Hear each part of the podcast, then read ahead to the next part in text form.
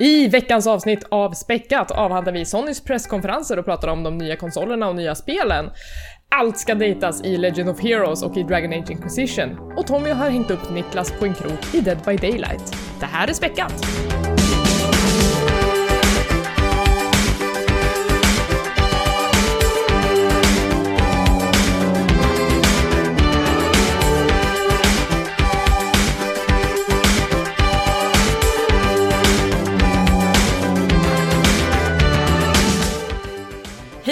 Välkomna till Späckat!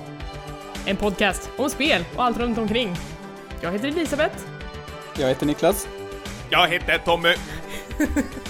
Så här vi pratar tydligen. Ja, du, du började prata samtidigt som jag började på, så jag bara eh, stakade mig en massa. Ja, förlåt. Det är lugnt. Hörni, hur mår ni? Svinbra. Aldrig mått bättre. Precis, det känns som att det är väldigt lite sprallig stämning här, men det ska vi nog Dra ner. Ja, det ska vara seriös podcast. Alltså jag är ju sjuk, eh, återhämtar mig från en förkylning så att jag så här, försöker hålla modet uppe, men jag kanske kollapsar genom hälften, vi får se.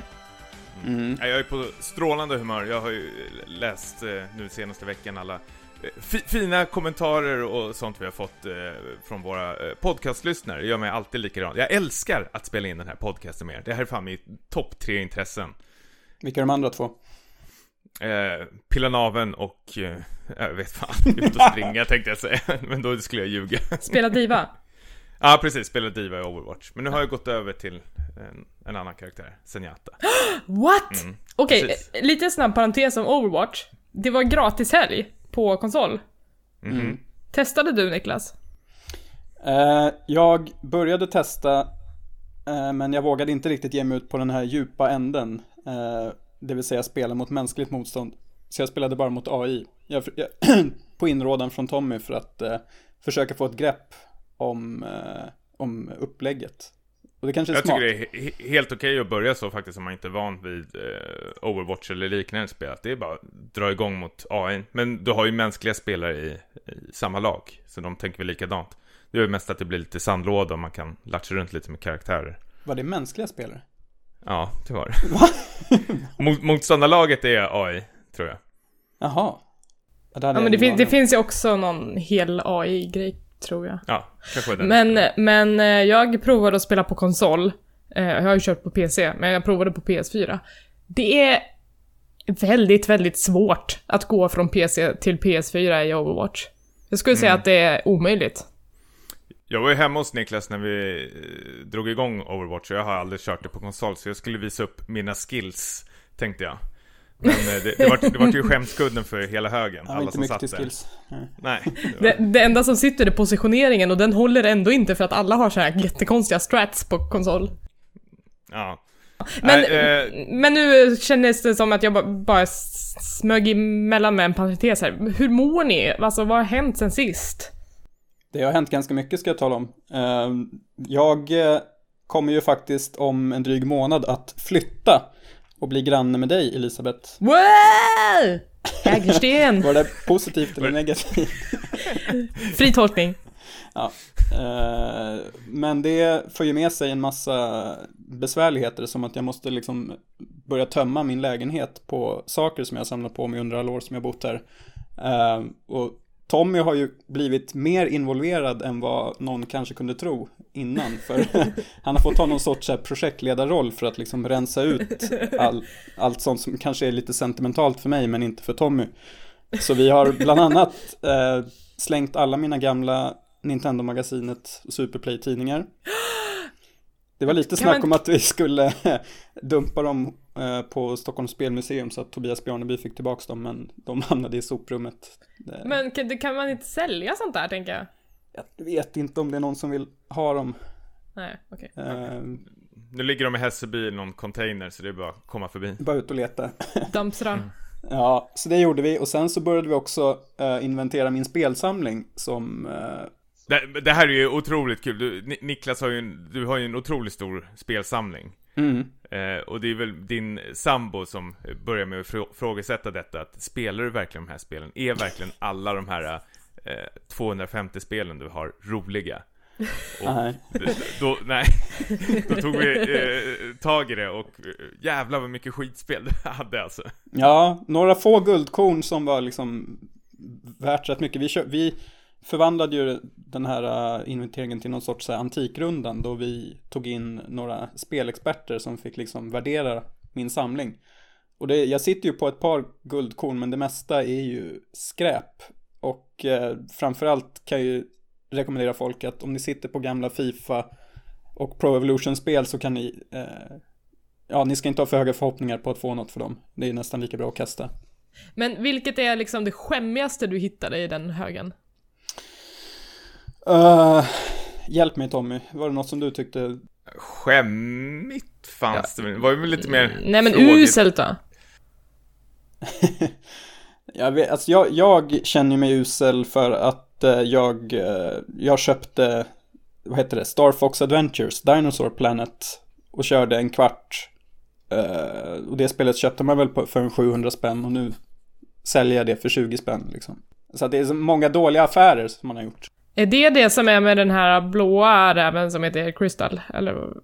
Nej, det är ju Lilat Wars, alltså Star Fox-universumet, Rares sista spel innan, spik, sista spiken i kistan för Rare var Ja det. men, Ja men det som var till, eh, till GameCube. GameCube. GameCube. Ja men, för, för, Ja, just det, det var ju, eh, precis, han hade med sig någon kollega där ja. Ja för hon skulle ju vara typ huvudperson i sitt eget spel och sen så blev hon det skrotat och hon blev en bikaraktär i, i Star Fox is- istället. Eh, men ja, för att det är roligt för att det spelet köpte jag precis second hand. Fast jag inte spelat än. ja, ja, ja, så kan det gå. Ja, Men, men du hade ju en helt, när man började rycka i Niklas Final Fantasy-samling, då, eh, det tog hårt på det. Den, den vägrade du ge dig ifrån. ja men den eh, släpper jag inte taget om eh, i första taget. Eh, bland annat Final Fantasy 10 med eh, kompositören Nobuo Uematsus eh, autograf. Den behåller jag ett tag till. Den Ja, säljer jag inte till Retrospelbutiken. Det. Det tycker jag.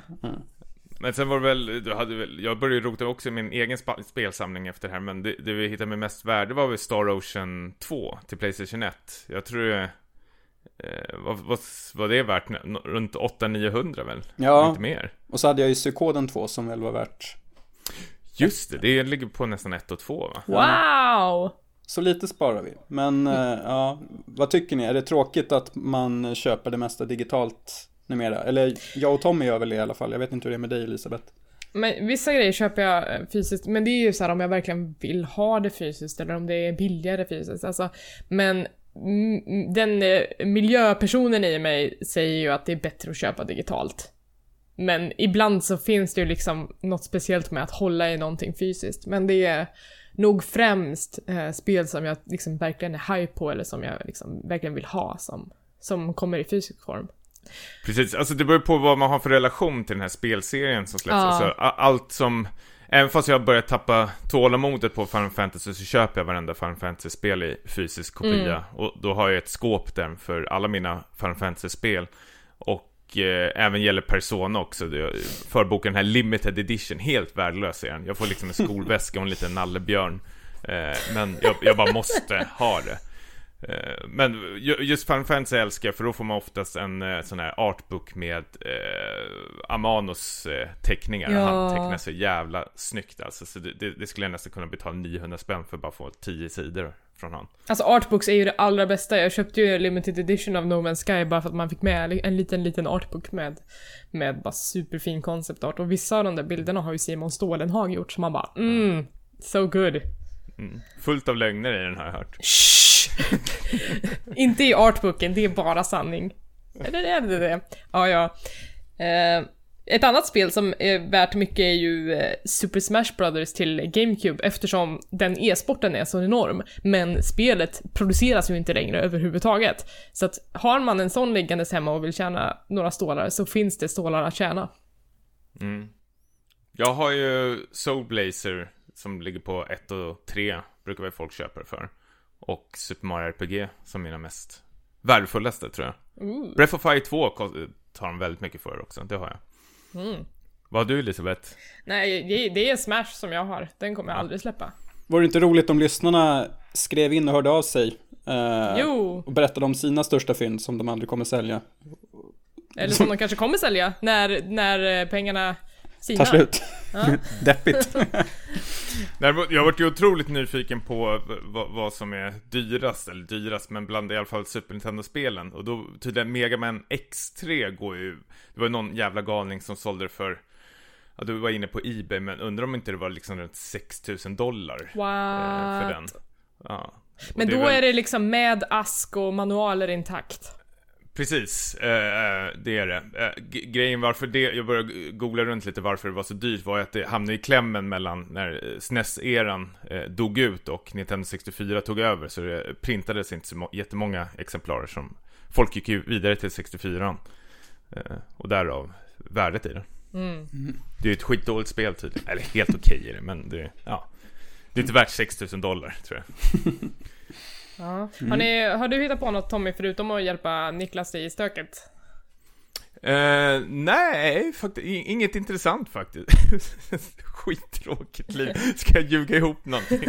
Typ. Åh, jag var ute och sprang milen. Har, du, har jag, du inte haft jag, någon sömnparalys eller något sånt där? Eh, eh, ja, jo, det har jag haft. Jag har ju vaknat upp och sett tänt lampan. Alltså, då, då var det ju läskigt förstås, för min fru vaknade och tände lampan eh, när jag höll på att skrika. Och då i hennes ansikte kanske en någon decimeter från mig och hon ligger och skrattar. Och det, det jag ser bara, det, det är ju suddigt, jag har inga glasögon på mig men jag får någon slags monsteransikte. Och så blir jag skiträdd och börjar backa men det, det så hon, hon börjar utnyttja det här nu, hon älskar det nu istället Ja, skönt. upp mig ännu mer när jag vaknar och håller på här, ja, göra själv läten Jag vet inte om det här är sunt. Men det är fint att hon kan få någon slags njutning i Ja. det istället för att det blir jobbigt. Återigen, jag har sagt det förut i ett annat podcastavsnitt, det är bara att höra av er så får ni eh, sova bredvid mig så får ni vara med om en jävla resa Kan du inte spela Nej. in någon gång? Jag ska nog faktiskt göra det. Jag har ju en sån där app. Eh, Jag spelar in några gånger men det, det kommer mest massor med pruttljud. Eh, men jag, men jag gör ett nytt försök. Hoppas vi får något. Ett skrik. Ett skrik i podden, då blir vi creepy podden. Mm. Hur är det med dig då Elisabeth? Men vad har jag gjort sen sist? Jag, det, jag har ju varit förkyld, men jag har också varit med i någon eh, panel och pratat e-sport för annonsörer. Det var spännande. Ja, men du syns Eh. överallt. Ja, men det är ju, jag har blivit någon slags go-to-person när det kommer till e-sport och sådana grejer, så det är, ju- det är ju ganska kul. Men eh, det är också lite så här. Eh, när man börjar säga samma saker om och om igen, det är väl då det slutar vara kul. Men, Jag såg, eh, en, jag såg en bild på dig från det där eventet, du såg inte så jätteglad ut, ska jag inte påstå. Nej, men jag har ju också ett sånt himla bitchy resting face så att så här, när jag är neutral i ansiktet så ser jag ju förbannad ut och som om jag ska Ja. mörda någon. Eh, och jag vet att det är så. Eh, och jag måste liksom anstränga mig för att se trevlig ut hela tiden och det orkar inte jag. Uttråkad slash irriterad. Ja, eh, så ja, några fel ska man väl ha. Så är det väl. Ja, nej men det var kul. Mm. Eh, annars har jag bara spelat massa spel, känns det som. Det var en vanlig vecka för oss alla tre låter det som. Ja. Förutom Niklas kanske. ja, men det är väl lite så här att nu när sommaren är slut så ska man ha lite vardagstråkigt också. Mm. och apropå tråkigt. Har det hänt något tråkigt i spelvärlden? Ja, bara tråkigheter? Så, så ni haft konferens, var det det du ville syfta på? Jag missade Nej. den här konferensen, men kan inte någon recappa lite snabbt vad det var som hände? Jag, jag vet ju en del av konferensen, men hela konsoldelen. Eh, de, de har haft två konferenser nu, du tänker på den första Ja, precis. Nu som de hade någonstans Kommer inte ihåg riktigt var, men det är väl skitsamma Ja, Mm. Eh, Nej, det, det var en helt vanlig, alltså om man tyckte eh, Deras senaste konferens de hade i E3 var eh, spexig och eh, sexig Så var det här eh, liksom superdammigt eh, det, det, det var ju, jag vet inte, ett gäng gubbar som presenterade Eh, ja, Playstations ny- nya konsol, Pro. Vi har ju spelat med amatörkonsolen tydligen. För pöbeln! ja, precis. Eh, jag vet inte, det var ju inte, det var inte någon jättenyhet. Den hade väl läckt för eh, 3000 år sedan känns det Ja, som. och Men det, här- var, det, det var ju samma sak med slimmen. Eh, en liten parentes var ju att en, den dök ju upp på, i, i England och blev liksom köpbar i handeln eh, på något vänster långt innan den annonsades på den här konferensen. Så det har ju varit liksom journalister som har köpt den och inspekterat och bara sett att ja ah, men det här är en legit Playstation fast mycket smalare. Eh, och blivit anklagade för att ha 3D-printat så här, en smal PS4. Eh, men sen så sa de det att ja ah, men vänta till den här konferensen, jag lovar att de kommer annonsera den här konsolen. Och det gjorde de. Eh, men det är väl lite, alltså någon måste ju ha fått sparken för att den här konsolen läckte ut i handel innan den ens hade eh, liksom utannonserats. Ja, eller jag vet inte. Cynismen säger ju att det här är någon slags sån här trick liksom. Alltid, alltid när jag, alltså i spelvärlden, alltid när jag läser så här läckta bilder på Dark Souls 3 så är det så här 1080 kvalitet och allting liksom. Man bara, ja visst.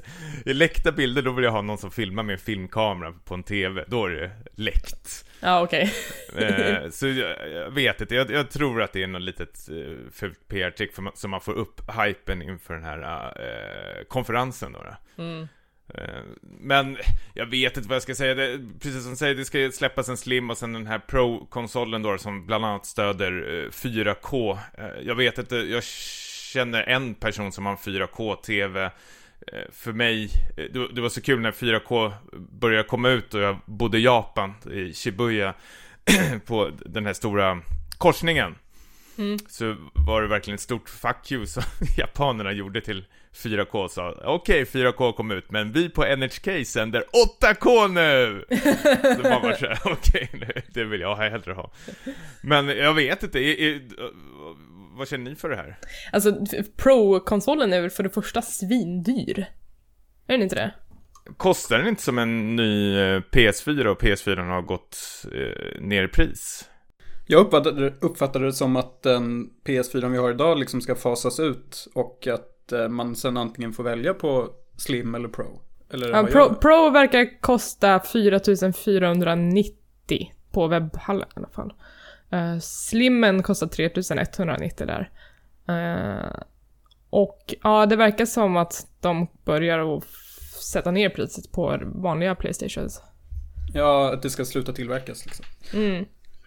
Uh, men jag, jag, känner väl att i dagsläget absolut inte sugen på något av det. Men om mitt, min PS4 går sönder, vilket kan hända, det är liksom då man får ta ställning. Och då blir det väl kanske en pro, tänker jag mig. Eh, men det är absolut jag, jag, inget... Ja. För de pratar om det här liksom UOD och allting, liksom att det ska liksom bli bättre eh, bilder och sånt. Men jag tänker, du måste även ha en TV som kan eh, lira med den här också. Alltså om du ska utnyttja den till fullo, då är det väl meningen att du ska ha en 4K-TV. Mm. En proffs-TV. Ja, precis. Och de, de, är inte så jättebilliga, de TV-apparaterna. Eh, jag nöjer mig för tillfället med eh, en eh, 1080. Alltså det, det som skulle få mig att vilja ha en Pro är att om frameraten ökar rejält. Men när jag hörde på presskonferensen så var det så här, ja det här stödde även VR som slightly increased the framerate. Så tänker jag typ, jaha, hur mycket FPS då egentligen? Men, ja. Mm. Vi köpte ju nyss en ny eh, PS4 så det var ju kanske lite dum timing men... Nej men alltså för vi måste ju typ ha två för att vi bråkar om vem som ska spela. så är det det som är? Ja, det, det är mer eh, behovet av Playstation som har, ja, som avgjorde att vi skaffade en ny. Uh, nej men, uh, men om det skulle vara så att någon gick sönder så tror jag att slimmen skulle passa mig bättre för att jag, uh, det skulle vara typ kul att ha en som är lite lättare att ta med sig. Som man kan typ dra hem till föräldrarna eller så. Mm. Det skulle jag kunna tänka mig. Ja, jag vet inte om... Ja, om jag ska ha en till mina föräldrar förstås. du som har dina föräldrar som bor någon helt annanstans kan jag förstå kanske man vill ta med sig, men... Ja, vi håller på... Bor vi två, tre på... kilometer ifrån mig. Nej, men vi håller på att renovera ett torp liksom ute på landet. Där vill man ju ha en PS4 liksom. ja. ja. Eh, men en annan grej som de då annonsade på den här eh, konferensen för att eh, visa upp så 4K, fan vilken grej. Det var ju att nu får vi äntligen se saker ur Mass Effect Andromeda. Mm. Wow. Andakt. Jag älskar det här.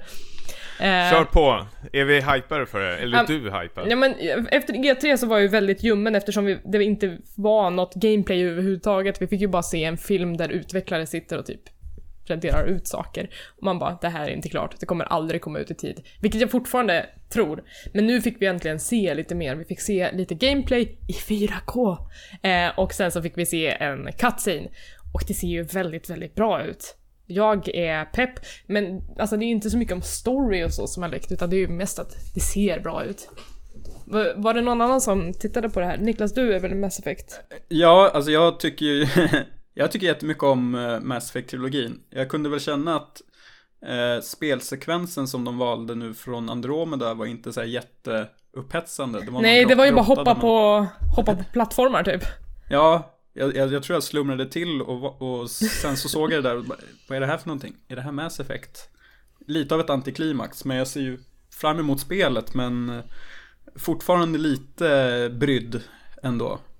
Ja, alltså det är fortfarande väldigt, väldigt substanslöst alltihopa. Uh, men jag hoppas ju på att eh, de sparar på krutet till en 7 day, det vill säga den 7 november, för då brukar Bioware alltid visa upp lite saker på egen hand. Är det då Ja, de då- kanske mm, annonserar ett eh, releasedatum? För det har de väl inte gjort? De har bara sagt Q1 tror jag, så att ja, ett datum skulle ju sitta fint. Eh, då får vi se om eh, de kan hålla vad de lovar. Um, Alltid när de säger Q1 eller Q2, det betyder att det är ett halvår minst uppskjutet därifrån. Ja, säkert. Nej, jag vet inte. Men, eh, men, men någonting kommer vi ju få se, så att jag tror att de sparar på krutet till, till den här konferensen som de har själva. Men det känns, eh, jag känner så här för, försiktig pepp, det ser bra ut. Jag hoppas att de kommer behålla liksom Mass Effect-själen i det här nya spelet. För att de kommer ju liksom göra ett helt ny, nytt eh, crew med karaktärer, det är ju en helt annan galax liksom, så att vi kommer ju kanske inte få spela med våra gamla vänner från trilogin som var innan. Eh, en grej som de gick ut med var ju att eh, man får ju välja mellan att köra en manlig eller kvinnlig protagonist och eh, de är ju syskon med varandra tydligen. Så att om man väljer den ena så kommer den andra fortfarande finnas i spelet, men kanske inte i ditt party. Eh, så det är coolt. Det låter mer spännande tycker jag. Mer spännande än själva spelet, eller vadå? Ja, en, en trailern till spelet faktiskt. Ah. Eh, f- Försök inte dribbla förbi mig här nu med Ja. Mass Effect. Jag, Nej, jag, jag vet inte, jag, jag håller väl med Niklas. Jag tycker det man fick se av Mass Effect var väl eh, jättetråkigt. Alltså, vi vet ju att det ska komma ett Mass Effect-spel, men nu när de har suttit med det ett tag och eh, säkert gjort någonting mer än det här, alltså, känns som man kunde valt någon roligare bit faktiskt. Att visa Ja, upp. Lite skjuta. Ja men rik, riktig gameplay, lite menyer och sånt där vill jag säga. Jag älskar när man ser menyer. Och kanske en hälsomätare. Bara sådana saker. Nu är det bara liksom plant, snyggt. Ja, mycket miljö. ja, såna grejer. precis. Ja, vi får såg se. inte det där plattformshoppandet så jättekul ut va? Vi får vänta till eh, 7 november så får vi se vad som händer då. Ja, Eh, Men sen har ju Sony också dykt upp på Tokyo Game Show nu några dagar senare. Det har du kollat på Tommy. precis. Och Niklas. det har inte ni kollat på. Jag har försökt plocka russinen ur kakan, jag vet inte vad det blev av det, men Tommy du får gärna ta taktpinnen här. Ja, men jag, jag såg det live till och med och det, det, det var rätt så skönt för var, allting var ju på japanska och då, då, jag följde med vad som pratades och vad som hände. Eh, så det, det, det var kul faktiskt. Eh, om jag bara ska summera det, det var he, helt okej faktiskt. De visade upp lite nya spel och eh, eh, datum till spelen som man kanske ska ta med en nypa salt när det kommer ut här i väst faktiskt. Inget från Vanillaware, min, eh, som jag trodde att de skulle visa upp, som de visade upp från eh, förra Tokyo Game Show. Är det O- Odin Sphere-gänget, eller? Precis, deras eh, nya eh, sexistiska spel. Ah, ja, Så, just det. just det, som du pratade om för två avsnitt sen kanske? Ja, precis. Central 13 eller vad det heter. Mm. Eh, har för mig. Jättekrångligt namn, typiskt japanskt. Men eh, Kojima var på plats, eh, inte upp någonting, utan Nej. bara pratade om Death Stranding. Alla bara, ja, vi vet, kan vi få se något? Nej! Men han visade upp lite bilder och eh, det var en bild på, eh, vad var det? Eh, oh, Guillermo del Toro och så var det Kojima och vad heter han, eh, tredje killen i det här? Norman Reedus. Ja, precis. De har ju så var det- också, de har också eh, luskat för ut att eh, Mads Mikkelsen kommer att ha en del i det här spelet. Där undrar jag, är den fjärde liksom karaktären de hade det där uh, porträttet Mads Mikkelsen, eller är det Ludvig Forsell? Vem är Ludvig Forsell? Eh, han, kompositören som, som eh, Kojima tog in. Ah, nej, nej, men alltså det var ju att eh, man har sett någon så här bild ifrån produktionen med en person i en eh, tröja som håller på att göra motion caps. Eh, och sen så har man sett Mads Mikkelsen i exakt samma tröja i ett annat eh, medium, typ någon som tweetade ifrån produktionsplatsen. Så att eh, det är ganska hett odds att han kommer vara delaktig också i det.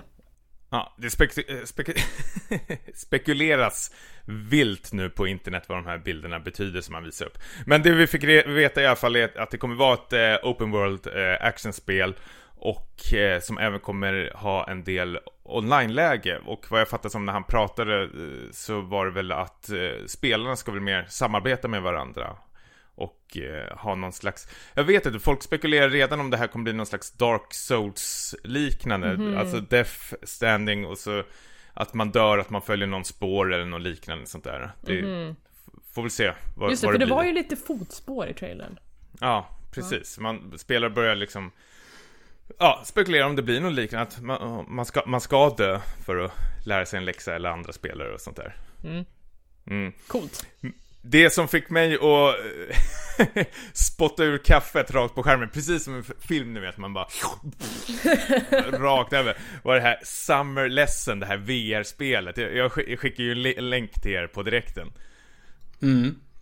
Man bara, Eh, jag, har, jag har sett nog med eh, japansk eh, anime för att veta vart det här är på väg. Det här, det här är så, jag vet inte, det här är så sjukt alltså. Det, det är någon slags eh, lärare är man väl inte, hon säger sensei till men Man kanske är om någon man sån här tutor. Tutor, ja precis, jag tänkte också men eftersom Ja, Jag vet att man är hemma hos, nej, undrar om man inte är hemma hos sig själv, för det ser ut som hon kommer över till en och eh, pluggar. Och det är väldigt så här att hon ska så här, visa bilder vad hon har gjort med sina kompisar när de badar i poolen och allting. Och sen märker man desto längre in i den här trailern att det blir mer mer och mer liksom intimt med de här. Och särskilt i slutet när de börjar liksom så här presentera att det kommer lite extra. Du kan gå på eh, liksom fyrverkerifest och du kan eh, ut och träna tillsammans med henne och allting. Jag fick lite känslan att du är liksom doktor Snusk och så får du den här unga eh, eleven för, som du ska ta hand om. Men och så ska du liksom så titta runt med ditt VR-set. Alltså det, jag, jag gillar idén, tanken bakom det, men hur det liksom visades upp känns ju väldigt sunkigt på något sätt. Men faktiskt. alltså det måste ju finnas någon slags spärr för det här om det ändå visas upp på Sonys presskonferens. Att de måste ju typ ha lite koll på vad det faktiskt är för någonting. Att det inte går Ja. över någon gräns på något sätt. Nej, alltså jag... Så här, det, det, det kommer inte vara pornografiskt eller någonting. Jag, jag tänk, men jag tänker samtidigt på det här uh, Gameboy-spelet Love Plus, där det är det här dating-grejen, alltså att det blir någon slags konstig eskapism när du ska Mm. dejta tjejer och hur, hur de, vad de gillar och vad, hur man ska hantera dem i olika situationer och allting sånt där. Jag tycker det blir, det blir så fel ibland faktiskt. Säger jag som älskar att dejta runt i Persona, men det, det känns li, lite mer välskrivet än när man fick eh, på det här faktiskt. Ja men alltså, det är ju samma sak med liksom Bioware-spelen. Jag gillar väl också så mycket Precis. någon annan att dejta typ så många som möjligt i det. Men, men det finns ju en viss fingertoppskänsla i man, hur, hur man förmedlar de här eh, förhållandena och de här karaktärerna. Att, eh, bara det att pers- huvudpersonen i det här VR-spelet, Summer Lesson, är en lärare ger ju en, en skev maktbalans redan där. Eh, så det är ju lite såhär, vem, vem är, vem är liksom målgruppen för det här spelet? Precis, alltså kontexten är ju otroligt viktigt, alltså hur, hur det presenteras och allting. Men jag, jag fick bara en känsla av att eh, det här är inget snuskspel, men, eh, och sen en liten parentes, men du får väl spela hur du vill liksom. Ja. Och, ja. Eh, och det, det, jag, jag ser redan på, ah, jag vet, nu, nu är jag så här japancynisk, men eh, det, det här kommer nog utnyttjas på fel sätt tror jag faktiskt. Men kommer det komma ut i väst också, eller är det liksom... Det vet jag faktiskt Nej. inte. Folk gick ju bananas eh, över den här trailern och vart eh, jätteglada såklart. Jag känner väl mer att eh, bra idé, dåligt eh, utförande. Ja men man, eh, man, får ju, man förstår ju varför de visar upp det på Tokyo Game Show och inte på E3 därför Mm. att det går ju hem hos den japanska publiken på ett helt annat sätt. Ja, och den här tjejen ska ju spela sån här, alltså man, det heter bricko på japanska, att de är lite såhär bimbo eh, känsla över det hela. Att det är, nej, kawaii sensei doshio, ikimaska. Att det ska vara så gulligt och puttinuttigt. Vore, vore det kul om man kanske hjälpte någon som eh, hade lite problem hemma eh, med föräldrarna eller någonting om man kunde... Det blir också en skev maktbalans, det blir bara konstigare och konstigare. Nej men... eh, Kom här flicka lilla, jag ska trösta dig. Men måste man vara någon jävla lärare? Kan man inte vara en kompis då? då? Jo, det, det tycker jag absolut att man kan vara. Ja, precis. Alltså, det, det går väl att göra något bättre med det här, känns det som. Ja, absolut. Men jag skulle inte tacka nej till lite liksom eh, Dragon Age-romans i VR. Det skulle jag inte. Nej men, det, är som du sa, det gäller att ha någon slags fingertoppkänsla på det, kanske. Ja, ja, ja verkligen. Så, nej, jag vet inte. Men jag tänker typ såhär, eh, alltså i det här, så här spel som bygger relationer, jag tänker att Firewatch hade ju kunnat vara ett sånt spel som skulle passa i VR, som är väldigt såhär relationstungt. Eh, tungt. Mm. Eh, för där är det ju liksom en, man bygger en superintim relation med den här andra karaktären i det andra vakttornet. Det är väl lite det som är lockande med den sortens spel, att man, att en, en relation som känns verklig och väldigt påtaglig. Mm. Ja, men det, det jag gillar är när jag springer runt, vi vi kommer att komma in på det lite senare på ett annat spel jag spelat, men det här själva datingaspekten som Persona gör ju så jävla bra är att det handlar inte hela tiden om kärlek och kyssar och f- få omkull eh, hen, utan det är väl mer att eh, den här personen har en bakgrund och kommer någonstans och så desto mer du träffar den här personen så får du mer reda om eh, hen liksom. Vad, Ja, och att den har vad- en egen vad- agens och liksom olika behov som man kanske måste ta hänsyn till och sådana saker. Precis, och så, det är sånt jag gillar, och, när, alltså när jag använder ordet dejta i tv-spel, men här känns det bara...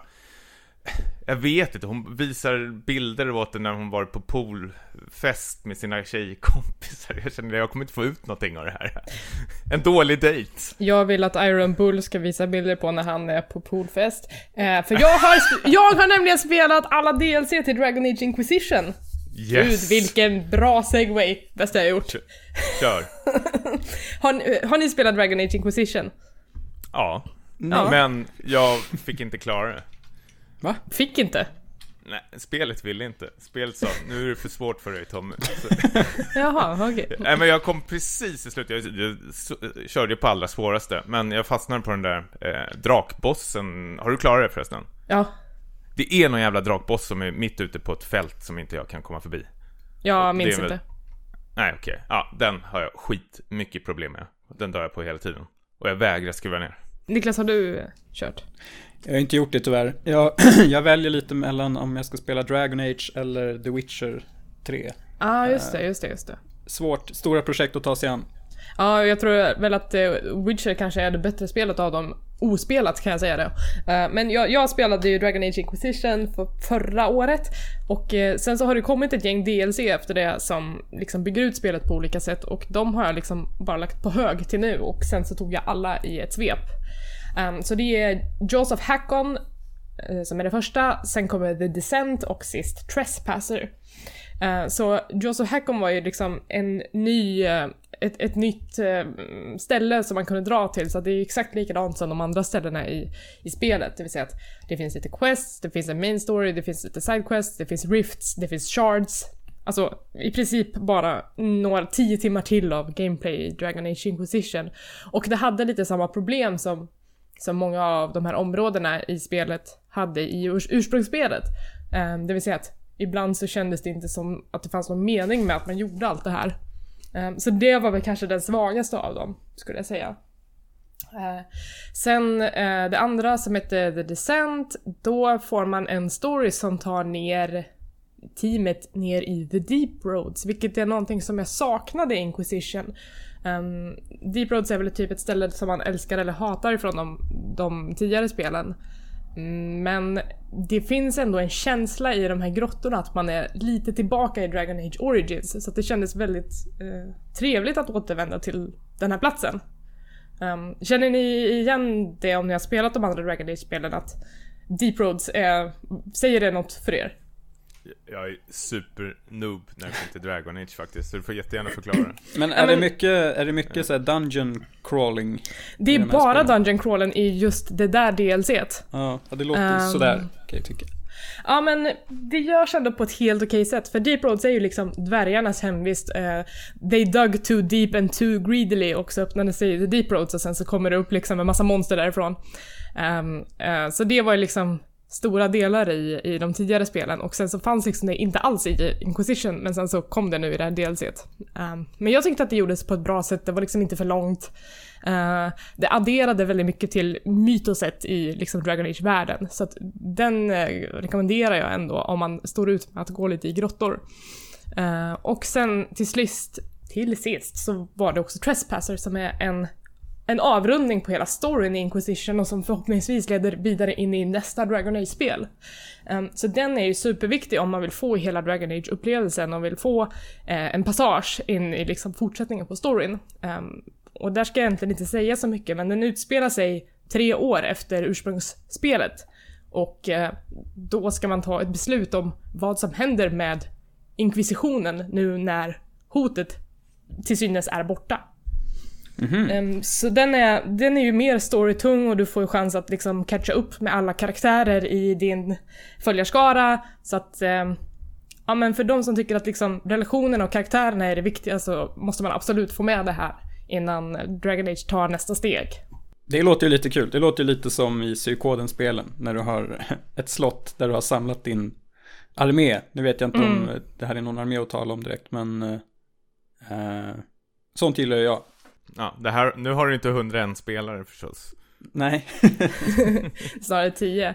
10, ja, de är inte lika mäktigt. Kanske. Ja, nej men, eh, och det, blir, det är ju lite slagsmål också i det här sista DLC, att man måste följa efter en, en trespasser på området liksom och försöka ta reda på vad det är som händer så att eh, man får liksom chans att slåss med sina gamla kamrater igen. Och det är mycket mm. så här härlig banter med så här, att man fick tillbaka gänget igen. Så att, ja. ja, men det, ja. Så, nej, men det, det, var verkligen en superfin avslutning på det här och jag som har då eh, haft en, en intensiv romans med The Iron Bull eh, jag föreslog att vi skulle gifta oss, han sa att han egentligen inte eh, tror på det här med att binda sig vid någon på det sättet utan han tror mer på att avge löften så varje dag. Eh, men han sa att om det, om, det, om det är viktigt för dig så gör vi det och jag bara yes! Och så sa jag det till min sambo, jag bara ja, Iron Bull ska gifta oss. Och han bara kul, när blir det? Senare ur ett äktenskap. ja, eh, så det var stort för mig. Men hur, finns det några nya spelbara karaktärer i de här eh, DLCn? nej, inga, inga nya followers så nej. Inte alls. Nej, okej. Okay. Utan man går mer på djupet på de man har fått mer av från originalspelet. Ja, men precis. Um, i, I The Descent så får du några som följer med dig en bit i, ner i grottorna, men inte på det sättet. Okej, okay, så du spelar själv um, då eller? Nej, utan du kan ha fortfarande ett, ett, vanligt team, att ni är fyra stycken som går ner och sen så kommer det två till. Okej. Okay. Uh, som följer med. Ah, och, ja. och de karaktärerna är ganska roliga, men man får väldigt uh, korta inblickar i dem innan liksom DLC är över. Ah, ja. Inga man kan snuska med? Nej, inte på det Nej. Nej. Mm. Och jag... Summer lessons for you. nope. Dragon Age Summer lessons. Ja, ah, det vore ju någonting. I would play! Man, man sitter med Bullen, vad heter han? Iron Bull, järnbullen. Ar Iron Bull som försöker göra läxor, klappar man honom på huvudet säger så är det, det kommer gå bra matte. Ja. alltså han kan ju prata.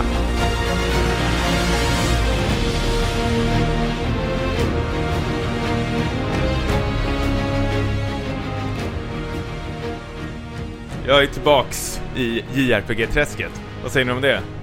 Otippat, men eh, spännande. är du besviken på mig eller? Nej, men...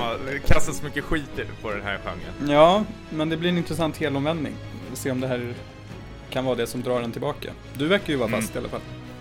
Jag, jag är fast som fan. Jag har spelat Legend of Heroes, eh, Trails of Cold Steel. Långt eh, namn. vet inte vad det betyder men eh, låter bra i alla fall. Legenden om hjältarna... Eh, kalla spår. Kalla, kalla stålspår. ja, precis. Och eh, eh, om det här Final Fantasy-spelen gör en liksom snurrig i huvudet med alla uppföljare och eh, sidospel och hej och hå så kommer det här få liksom super, mig, migrän 2.0 nästan känns det som. Det här är ju el elfte Legend of Heroes-spelet men det är åttonde arket. Smaka på, ja precis. Alltså det Legend of Heroes är kända för är ju att, inte alla spel, men många av dem är att det har fått en direkt uppföljare eh, från det tidigare spelet, till exempel fyran har fått eh, femman då, där storyn fortsätter. Så oftast har de liksom slutat med en high note och så har man fått vänta i två år och så har man fått fortsätta spelet. Mm -hmm. Och jag gillar den tanken. Eh, du har ju även kommit det här PSP-spelet som även finns till Steam, Legend of Heroes, eh, Trails in the Sky. Niklas, du känner väl igen det, kanske? Ja, jo men det har jag hört talas om. Ja, så, som eh, vanligt klassiskt eh, JR-program hyllat av eh, väldigt, väldigt många. Men nu har det här äntligen kommit till väst, då Trails of Cold Steel, som ska bli en trilogi faktiskt. Och eh, jag vet jag har hört väldigt mycket bra om det här och jag tänkte nu ger jag JRPG'n sista chansen. Men du har inte eh, kört de här tidigare Legend of Heroes-spelen eller? Nej, faktiskt inte. Nej, jag har faktiskt eh, Trails in the Sky på Steam faktiskt, de två eh, första spelen där. Och det kommer ett tredje spel någon gång. Eh, I den trilogin. Men det här är en trilogi i ett annat ark. Ni hör ju själv vilken jävla soppa det är. Men de här trilogierna, är, det utspelar sig i samma universum. Men det är olika liksom tidsepoker. Okej, okay, så, så du, du, kan hoppa rakt in i serien vid valfritt ark? I, i en ny trilogi, yes. Eller två uppföljare, eller så finns det vissa singelspel också. Men folk brukar oftast, när jag har kollat runt, se, rekommendera folk att köra bara från eh, PSP och framåt. Eller så kan du börja där vid Trails of Cold Steel, som jag gjorde. Och... Vad handlar det om? Berätta allt! Alltså. Jag spelar 28 timmar det här är ett eh, spel som kanske klockar på 60 timmar, så det är otroligt stort. Och nu har storyn typ börjat öppna sig. Alltså om jag bara kort drar det väldigt så är det en, eh, en elev som ska börja i en militärskola. Och man har valts ut, man vet inte varför, men när man kommer till skolan så märker man att en själv och eh, åtta andra elever har såna här röda västar på sig. Medan de andra i skolan går runt med antagligen med gröna eller vita västar. Och då i den här eh, militärskolan har de kommit fram till att vi ska göra en special eh, militärgrupp och ni nio är speciellt utvalda. Grejen med Legend of Heroes-universumet är att det är sån otrolig hierarki och väldigt beroende av ett sånt här klassystem. I den här skolan så finns det liksom två olika studentboende. Ett studentboende för överklassen och ett studentboende för underklassen. Åh, vad härligt! De ja, och de delar på samma skola men de får inte gå i samma klass. Men just den här klassen som man börjar med så har de liksom tänkt liksom, ah, nu ska vi edga lite, nu blandar vi överklass och underklass. Nej, hur får, vågar de? ja, precis. Vilket får de här, vissa av de här klasskamraterna att uh, gå i taket. Både de från underklassen som tycker att folk från överklassen är ett gäng jävla svin eftersom de vill alltid att man ska tilltala dem med eh, familjenamnet, var de kommer ifrån och allting. Och de här överklasseleverna tycker att ja, underklassen är ett gäng jävla as. Eh, inte as, men eh, de, de, de ser ner på dem. Det är ju en superhierarki i det här landet faktiskt. Och den här klassen ska ju då samarbeta och eh, göra uppdrag tillsammans och desto mer du spelar så lär du känna de här personerna och det har ett liknande upplägg som Eh, Persona-spelen, särskilt Persona 3 och 4, att du går till skolan, du har lektion med dina klasskamrater, eh, du gör din midterm test, vilket blir som ett quiz, så att det gäller att hänga med på lektionerna så du sen kan svara på ditt midterm test och du får liksom resultat, hur bra det har gått för din klass, eftersom du tävlar mot andra klasser i skolan. Lite så Harry Potter-liknande eh, skulle jag kunna jämföra med faktiskt. Mm. Men, men alltså, vill man gå i skolan en gång till? En gång till. Ja men alltså jag gick i skolan, när jag gick i skolan, ska jag behöva göra det ja, spel också liksom? Men, ja, jag tycker det här är rätt så kul faktiskt med sådana här äh, spel, återigen Persona, för du har ju de här free time, eh, där du får liksom gå ut på rasten och då har du ju något som heter liksom, eh, vad heter buddy points liknande. Och då får du liksom välja två klasskamrater Men det är som i, åtta. Eh, som i Danganronpa liksom? Att du har... Precis, exakt likadant du måste, där. Du måste välja så här för vad du ska spendera dina, din free time på, liksom. Vem Precis, ska jag bygga relationer med? för att lära känna hen bättre. Mm. Och när du gör det här så blir du belönad för du tar med även det här in i eh, stridssystemet. Så när du levlar upp en karaktär och lär känna den personen bättre så har ni någonting eh, som heter här, Link eh, Combat, Social Link Combat, att ni liksom, ni, ni två gör bättre attacker tillsammans på en fiende, att man kom kan kombinera den här attacken tillsammans. Vilket gör att när man har de här, eh, när man ska välja ut sina klasskamrater, vilka man ska träffa, så gäller det också lite strategiskt att vilka tycker jag om, vilka vill jag liksom lära känna bättre och är den här personen bra att ta med ut i strid och liknande. Vilket gör det väldigt eh, roligt och eh, spännande. Och de här små dejterna, eller vad man ska kalla det, det är ju inte dejter utan du, du kan ju träffa både killar och tjejer men det är liksom att Men man kan gå på kompisdejt. Ja, precis. Och du sitter och fikar med någon kille som berättar om sitt liv, var han kommer ifrån och varför inte han gillar eh, överklassen. Det finns ju en som eh, verkligen hatar överklassen i, i sin, sin klass. Men det är ju väldigt roligt att de har en, alla har, känns som de har en liksom välskriven eh, bakgrundshistoria. Ja, Och nej men det, det känns... Det är så roligt. Man bara, kan vi bara gå ut och prata lite om hur mycket jag hatar överklassen? Ja, men det är mycket som de här vill få ur sig, känns det som. Och jag, gillar det. Det, har, det känns som det har skalat av väldigt mycket sånt här dött kött som JRPG har haft under de senaste tiden. Att, ja men som eh, Xenogears, eh, eller Xenoblade-spelet nu, alltså att de ska alltid ha någon sån där comic relief som ska hålla på och skoja runt och, och så ska det vara lite tramsig musik. Eller att Och laga du ska mat. ha den här, ja, ja men precis, du ska ha den här söta eh, tjejen som ska vara lite ah. Mycket är- imitationer i det här avsnittet. Japanska tjejer. Utan här känns ju alla lite så här eh, lillgamla faktiskt, men Ja. inte på ett negativt sätt, utan de har liksom, nu ska jag inte säga sunda värderingar, men de har intressanta saker de pratar öppet om med varandra. Och om du vill veta mer om det så gäller det bara liksom dejta eller träffa den här personen mer sen under free-timet. Och jag, jag vet inte, jag, jag gillar det här som bara den faktiskt. Men, men vilka slåss man mot? Vad är de här striderna mot? Vad, finns det någon fiende liksom? Ja men du har en lärare Eller är det som överklassen? man... Nej, ja precis. Nej. Ja. Du har en lärare som... Det är det här jag gillar också, att man inte blir skriven på näsan. Jag vet inte om hon är lesbisk. För hon gör Är fienden i- homosexuella? Är det det du vill säga? För det är inte okej. Nej, nej, nej, ens, nej, nej, nej, ens lärare som man har är, hon, hon drar ur sig lite kommentarer ibland när, att hon berömmer vissa tjejer hur de ser ut, ja ah, den där skulle jag vilja träffa och lära känna lite närmare, men hon, det är Det inget så får man inte eller någonting. säga om man är lärare till en elev. Men hon säger inte det till elever, hon pratar med en annan Ja. eh, vuxen människa, så Okej. man får följa lite vad som händer bakom faktiskt.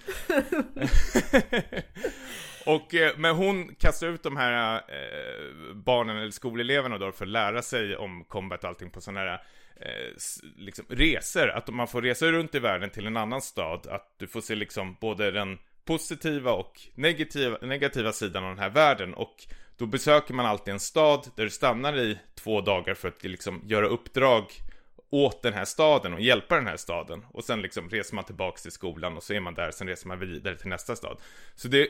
Det finns liksom- inget, det finns inget så här universellt stort hot. Utan, Det, eh, ja, jo, det finns ju det. Alltså vad, vad jag fattar som så, jag har ju inte spelat klart det här spelet. Det är 30 timmar kvar för mig någonting. Men vad jag förstår så är liksom första spelet kommer handla om liksom själva skolåret och andra spelet kommer liksom börja när de har gått klart ur skolan och liksom färdigutbildade det här gänget. okej. Och det är liksom då det eh, verkligen drar igång. Men det, det finns ju hot, det finns ju sådana här skummisar som går runt och eh, Folk som har fått gått om eller? Nej. Andra ringare. Ja. Nej, men, äh, men det, det, alltid, ni vet skummisar som står runt hörnet och håller på och viskar. Och, Underklassen. Eh, nej, det har jag inte sagt. De ser väldigt överklassiga ut. okej. Skumma överklassen. Har du sagt det Tommy, om man spelar som en underklassare eller en överklassare? Eh, jag tänker faktiskt inte spoila det faktiskt. För det, man känner inte sin egen karaktär så väl som man tror. Oj. Så Oho. alla har eh, lite skelett i garderoben kan man väl säga. Och eh, bo, ja, det, det är det här som gör det så intressant att det Jag gillar tempot i spelet också, folk kan tro att det är väldigt långsamt när jag berättar att jag ligger liksom 28 timmar in och liksom nu börjar öppna upp, men liksom det tar schyssta babysteg fram, att det presenterar saker att säga nu kan du göra så här eh, och gör det några timmar så går vi vidare till nästa moment i spelet istället för att den liksom kastar det över grejer liksom så här. Du kan göra det här med materia och du kan göra det här med dina vapen, utan det introducerar sakerna på ett väldigt pedagogiskt sätt, hur det funkar och eh, alla de här social link-grejerna, hur det hör ihop och sen när du har klarat det då liksom går du vidare till nästa del av spelet, vilket känns väldigt skönt faktiskt. Och det jag älskar mest med det här är att du har ju de här nio karaktärerna spelbara i, eh, när du är ute och slåss. Och då tänker man alltid att herregud, ska jag levla upp de här fyra och sen måste jag kasta in några andra? Alla levlar upp tillsammans, vare sig de är inne eller utanför partyt. Så liksom du har ju aldrig någon som är level 23 eller, och någon som du inte vill använda i level 15, utan alla uh, levlar upp parallellt tillsammans med varandra. Men du får lite Och- andra, andra bonusar om du liksom träffar dem vid sidan av. Precis, du kan ju bättre komboattacker Ja. eh, med de personerna. Och det jag gillar också är att spelet, även fast du lär känna dina klasskamrater, de här nio stycken på direkten, så får du inte tillgång till allihopa på direkten heller, utan den här läraren delar in eh, klassen i grupper. Nu ska ni fyra samarbeta och då får man bara fokusera på de fyra personerna och lära känna dem bättre. Och sen några timmar senare så ska ni göra någon annan uppgift och då får du de här karaktärerna med dig. Så du får ju inte alla de här nio karaktärerna liksom kastade över utan du får ju lära känna dem eh, lite, några timmar var. Och sen senare in i spelet så kan du liksom börja prioritera vilka du vill använda. Men vad hade lärarens sexualitet med någonting att göra? Nej men jag tänker, jag, jag gillar att man inte... Vad, vad var det för fel med det? Nej men jag bara, finns det någon fiende? Och du bara, jag vet inte om den här läraren är lesbisk. Jaha, var det det du frågade? Ja! Jaha. Men hörru, blir det rekommendation på det här spelet? Ja, verkligen. Jag tycker, eh, särskilt du som är lite ny i JRPG och hatar den. Och Ja. Niklas som är gammal i JRPG och hatar den. Tycker jag, alltså det här beror ju på om ni vill ha ett stort epos. Det här är ju liksom tre, det ska ju bli tre spel. Det andra spelet kom ut nu i november. Alltså, så Och att du, det- du signar ju upp for the long run om man börjar med det här spelet. Ja, verkligen. Det måste man vara beredd på. Eh, Men du, tycker, jag, men du tycker att det är värt? jag tycker det är lätt värt. Och jag tycker det är väldigt lätt att ta bara en eh, snabb paus ifrån det utan att liksom att spe, spelet känner att det, det händer inte saker hela tiden utan det är väldigt tydliga kapitel hela tiden att nu kan du faktiskt ta det lugnt och uh, göra ditt eget och då kan man liksom spela på sitt eget tempo utan du slipper sitta de här fem timmarna liksom. Uh, det, det är inga stora sittningar du behöver göra i spelet. Kom det fel med den där jävla läraren med homosexualitet? Fan.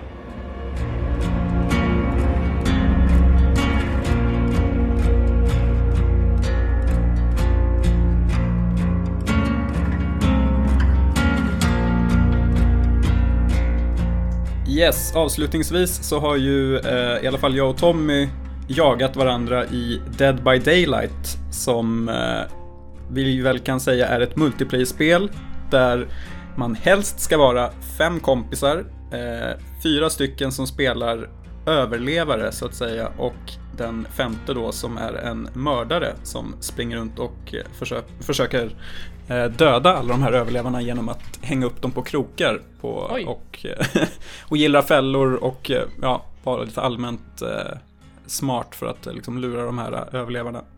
Och det har ju varit en... vi- har stretat på i motvind kan, kan vi säga lite så här inledningsvis. För målet var ju att spela med fullt lag.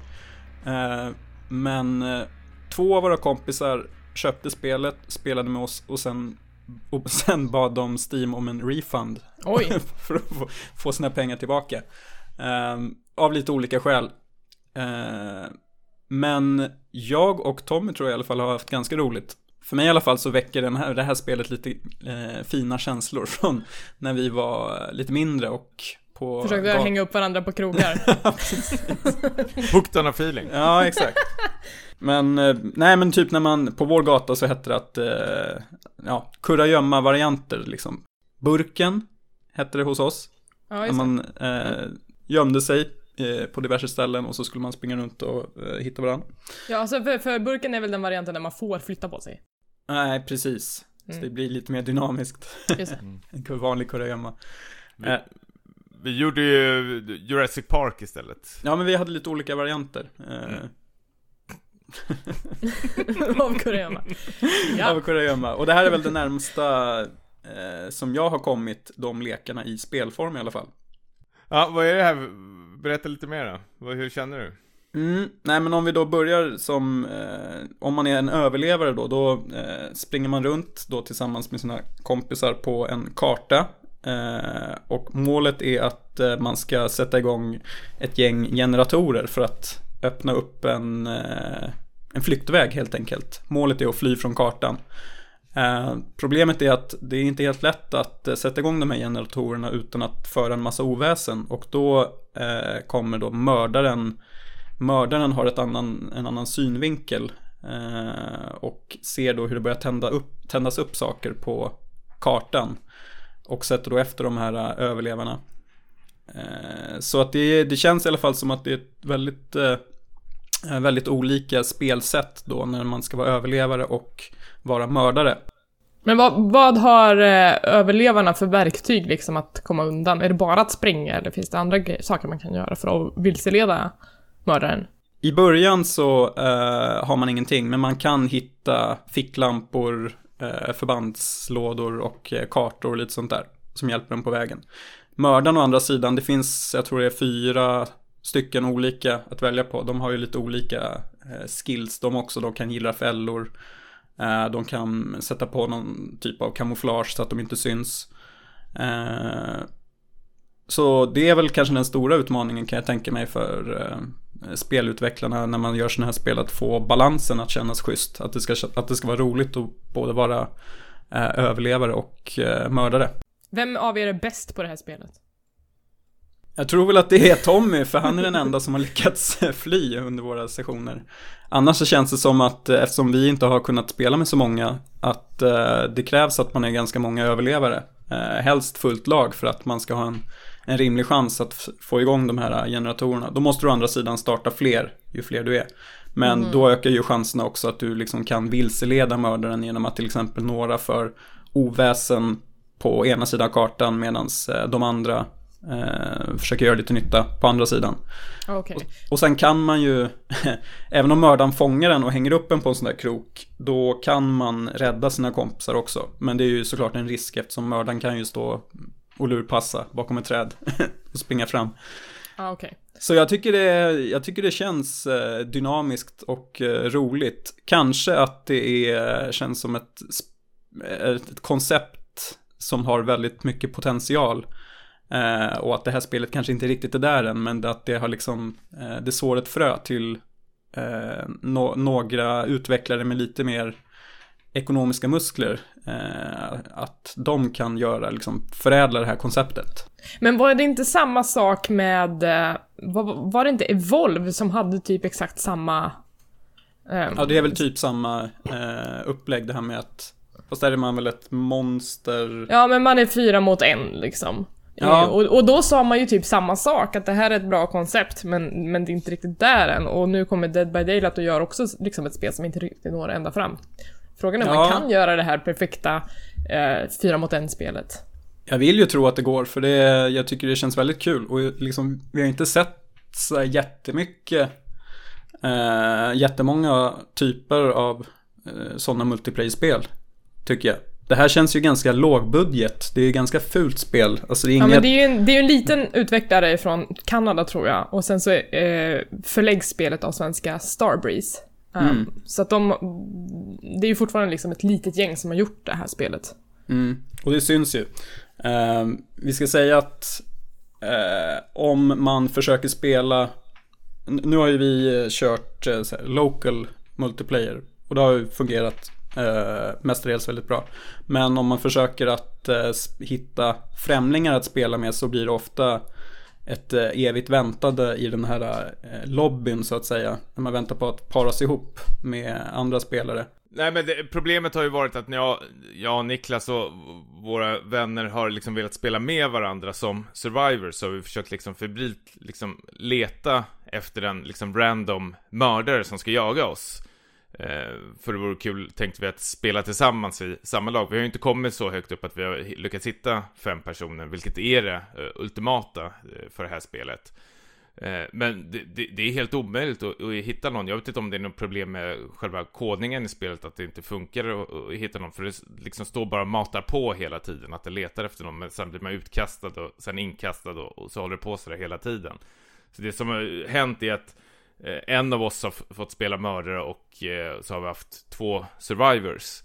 Och, liksom, det har ju varit kul ett tag, men det, det krävs faktiskt fler survivors än, än, två för att om man väl hänger upp en på en hook då, då så kan man ju bara stå där och eh, vänta. Alltså det, det, är helt omöjligt för den andra ah. spelaren att komma och rädda den personen då. Utan du, du måste vara fler och det var därför vi tänkte det vore kul om vi tre kunde spela då, så kör vi med en random survivor och en random mördare, men det, det vill den inte hitta. Däremot är, det inga problem alls att spela liksom single player eh, med fyra andra random personer. Det funkar hur lätt som helst, men det, det, då förlorar det lite konceptet känner jag, för det här är perfekt liksom eh, partyspel med dina eh, kompisar. Faktiskt. Men gör man det här på PC, alla sitter vid varsin dator, eller finns det till konsol eller liksom? Nej, det finns bara till PC. Okej, okay, så man, det är inte co-op på samma plattform, utan alla sitter vid varsin dator? Precis. Ja, okej. Okay. Uh, och, och jag, som Niklas säger, man gillar idén, men det, det, är ju det här utförandet på vissa punkter som gör att mest liksom man blir uh, frustrerad av sådana där små grejer. Att det, det, det är ju rätt så svårt att skrapa ihop fyra personer och försöka övertala dem att köpa det här spelet. Och man viftar alltid med den här flaggan att så här, att ni kan ju refounda om ni tycker det är tråkigt. Och det har folk gjort. Ja, det har de gjort också.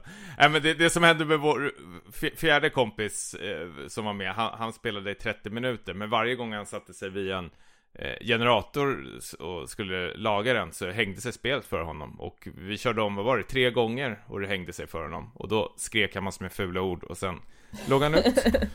men men okej, okay, jag får väl skaffa det här så får vi köra tillsammans. Kan uh, du inte göra det, snälla? Mm, det får jag göra. Men hörni, uh, vi, om vi ska knyta ihop det här avsnittet, för det var väl typ det vi hade att prata om idag. Uh, hur kan man kontakta er om man vill spela Dead by Daylight tillsammans med er på Steam? Så här, om, man, om man vill kontakta mig och spela Dead, eh, Dead by Daylight bland annat och andra spel så kan man ju alltid kontakta mig. På, jag kommer inte ihåg mitt jävla Steam-konto just nu. Så kontakta mig på Twitter på Tommy Jansson så eh, river vi ihop någonting. Kan jag jaga er i skogen med motorsågen. och sen kan vi spela. ja. uh, och mig kan man uh, nå på Niklas Lundqvist uh, på Twitter. Jag har faktiskt gjort lite utrop där men väldigt dålig respons. Um, men jag, jag, tror som sagt med mycket, mycket folk kan det här bli jättekul. Mm. Ska vi försöka få ihop fem pers nu med det här? Mm. Ja men det tycker jag. Till nästa avsnitt. Ja. ja. Precis. Vi kör i, i helgen. Och vad, vad kan man hitta dig då Elisabeth om du, du, du vill bli jagad? jag blir hellre jagad av vargar. Uh, ja. Jag finns på Twitter som Hangry Eli. Um, där kan man uh, antingen uh, fråga om jag vill bli jagad, eller så kan man prata om vem man romansar i Dragon Age Inquisition. Eh, om man vill ställa frågor till podcasten, eller vill ge oss ris eller ros, eller ja, lite vad ni vill, eh, då kan man mejla oss på späckadpodcast.gmail.com, 2C, 1D. Eh, vi finns också på Twitter och Instagram om man vill skriva lite kortare grejer. Där heter vi också späckadpodd med 2C och 1D. Och mm. eh, ja, vad ska vi prata om i nästa avsnitt? Nästa avsnitt kommer ju bli Vision Novel-avsnittet. Känns det som det? För ja, det här var ju, jag... det här var ju dating-avsnittet. Ja, både positivt och negativt. ja, Okej, okay, vilka Vision Novels blir det?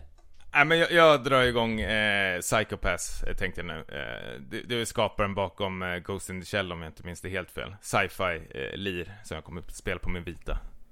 Just det. Jag, jag har dragit igång eh, Mad Max, det var inte så mycket visual novel i det, men eh, det svenska utvecklade eh, Open World-rollspelet till PS4. Så det kan mm. jag prata om då. Och jag ja. kanske tar med en Cat President som också är ett visual novel-spel. eh, ska inte lova för mycket. men det har du lovat. Ja, okej, okay, nu har jag lovat det. Då, då blir det så. Eh, mm. Vi kan, vi kan Perfect. ska, vi, ska vi alla sympatispela Cat President? ja, jag hoppas det.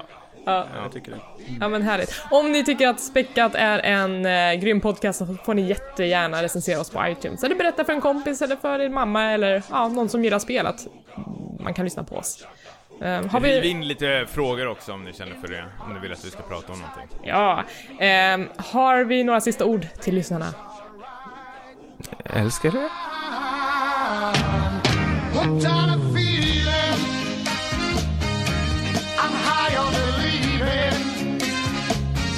that you're in love with me. Lips as sweet as candy, its taste is on my mind.